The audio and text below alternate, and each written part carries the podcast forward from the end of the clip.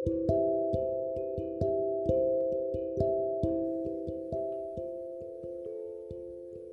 masih ingat hari itu.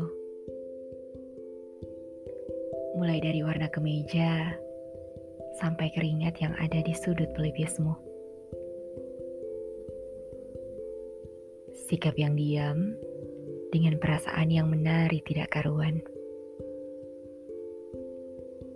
Kamu juga diam. Saya tidak tahu dengan perasaanmu yang mungkin saja gamang.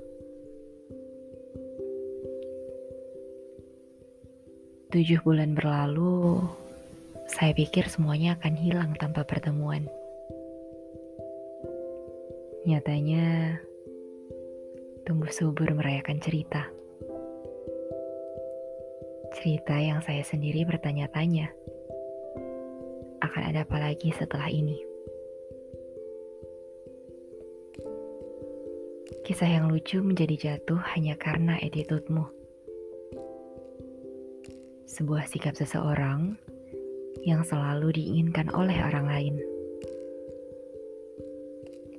Sebuah pertolongan kecil penuh rahasia dan sebuah rasa yang saya tidak pernah tahu akan jatuh pada seseorang sepertimu.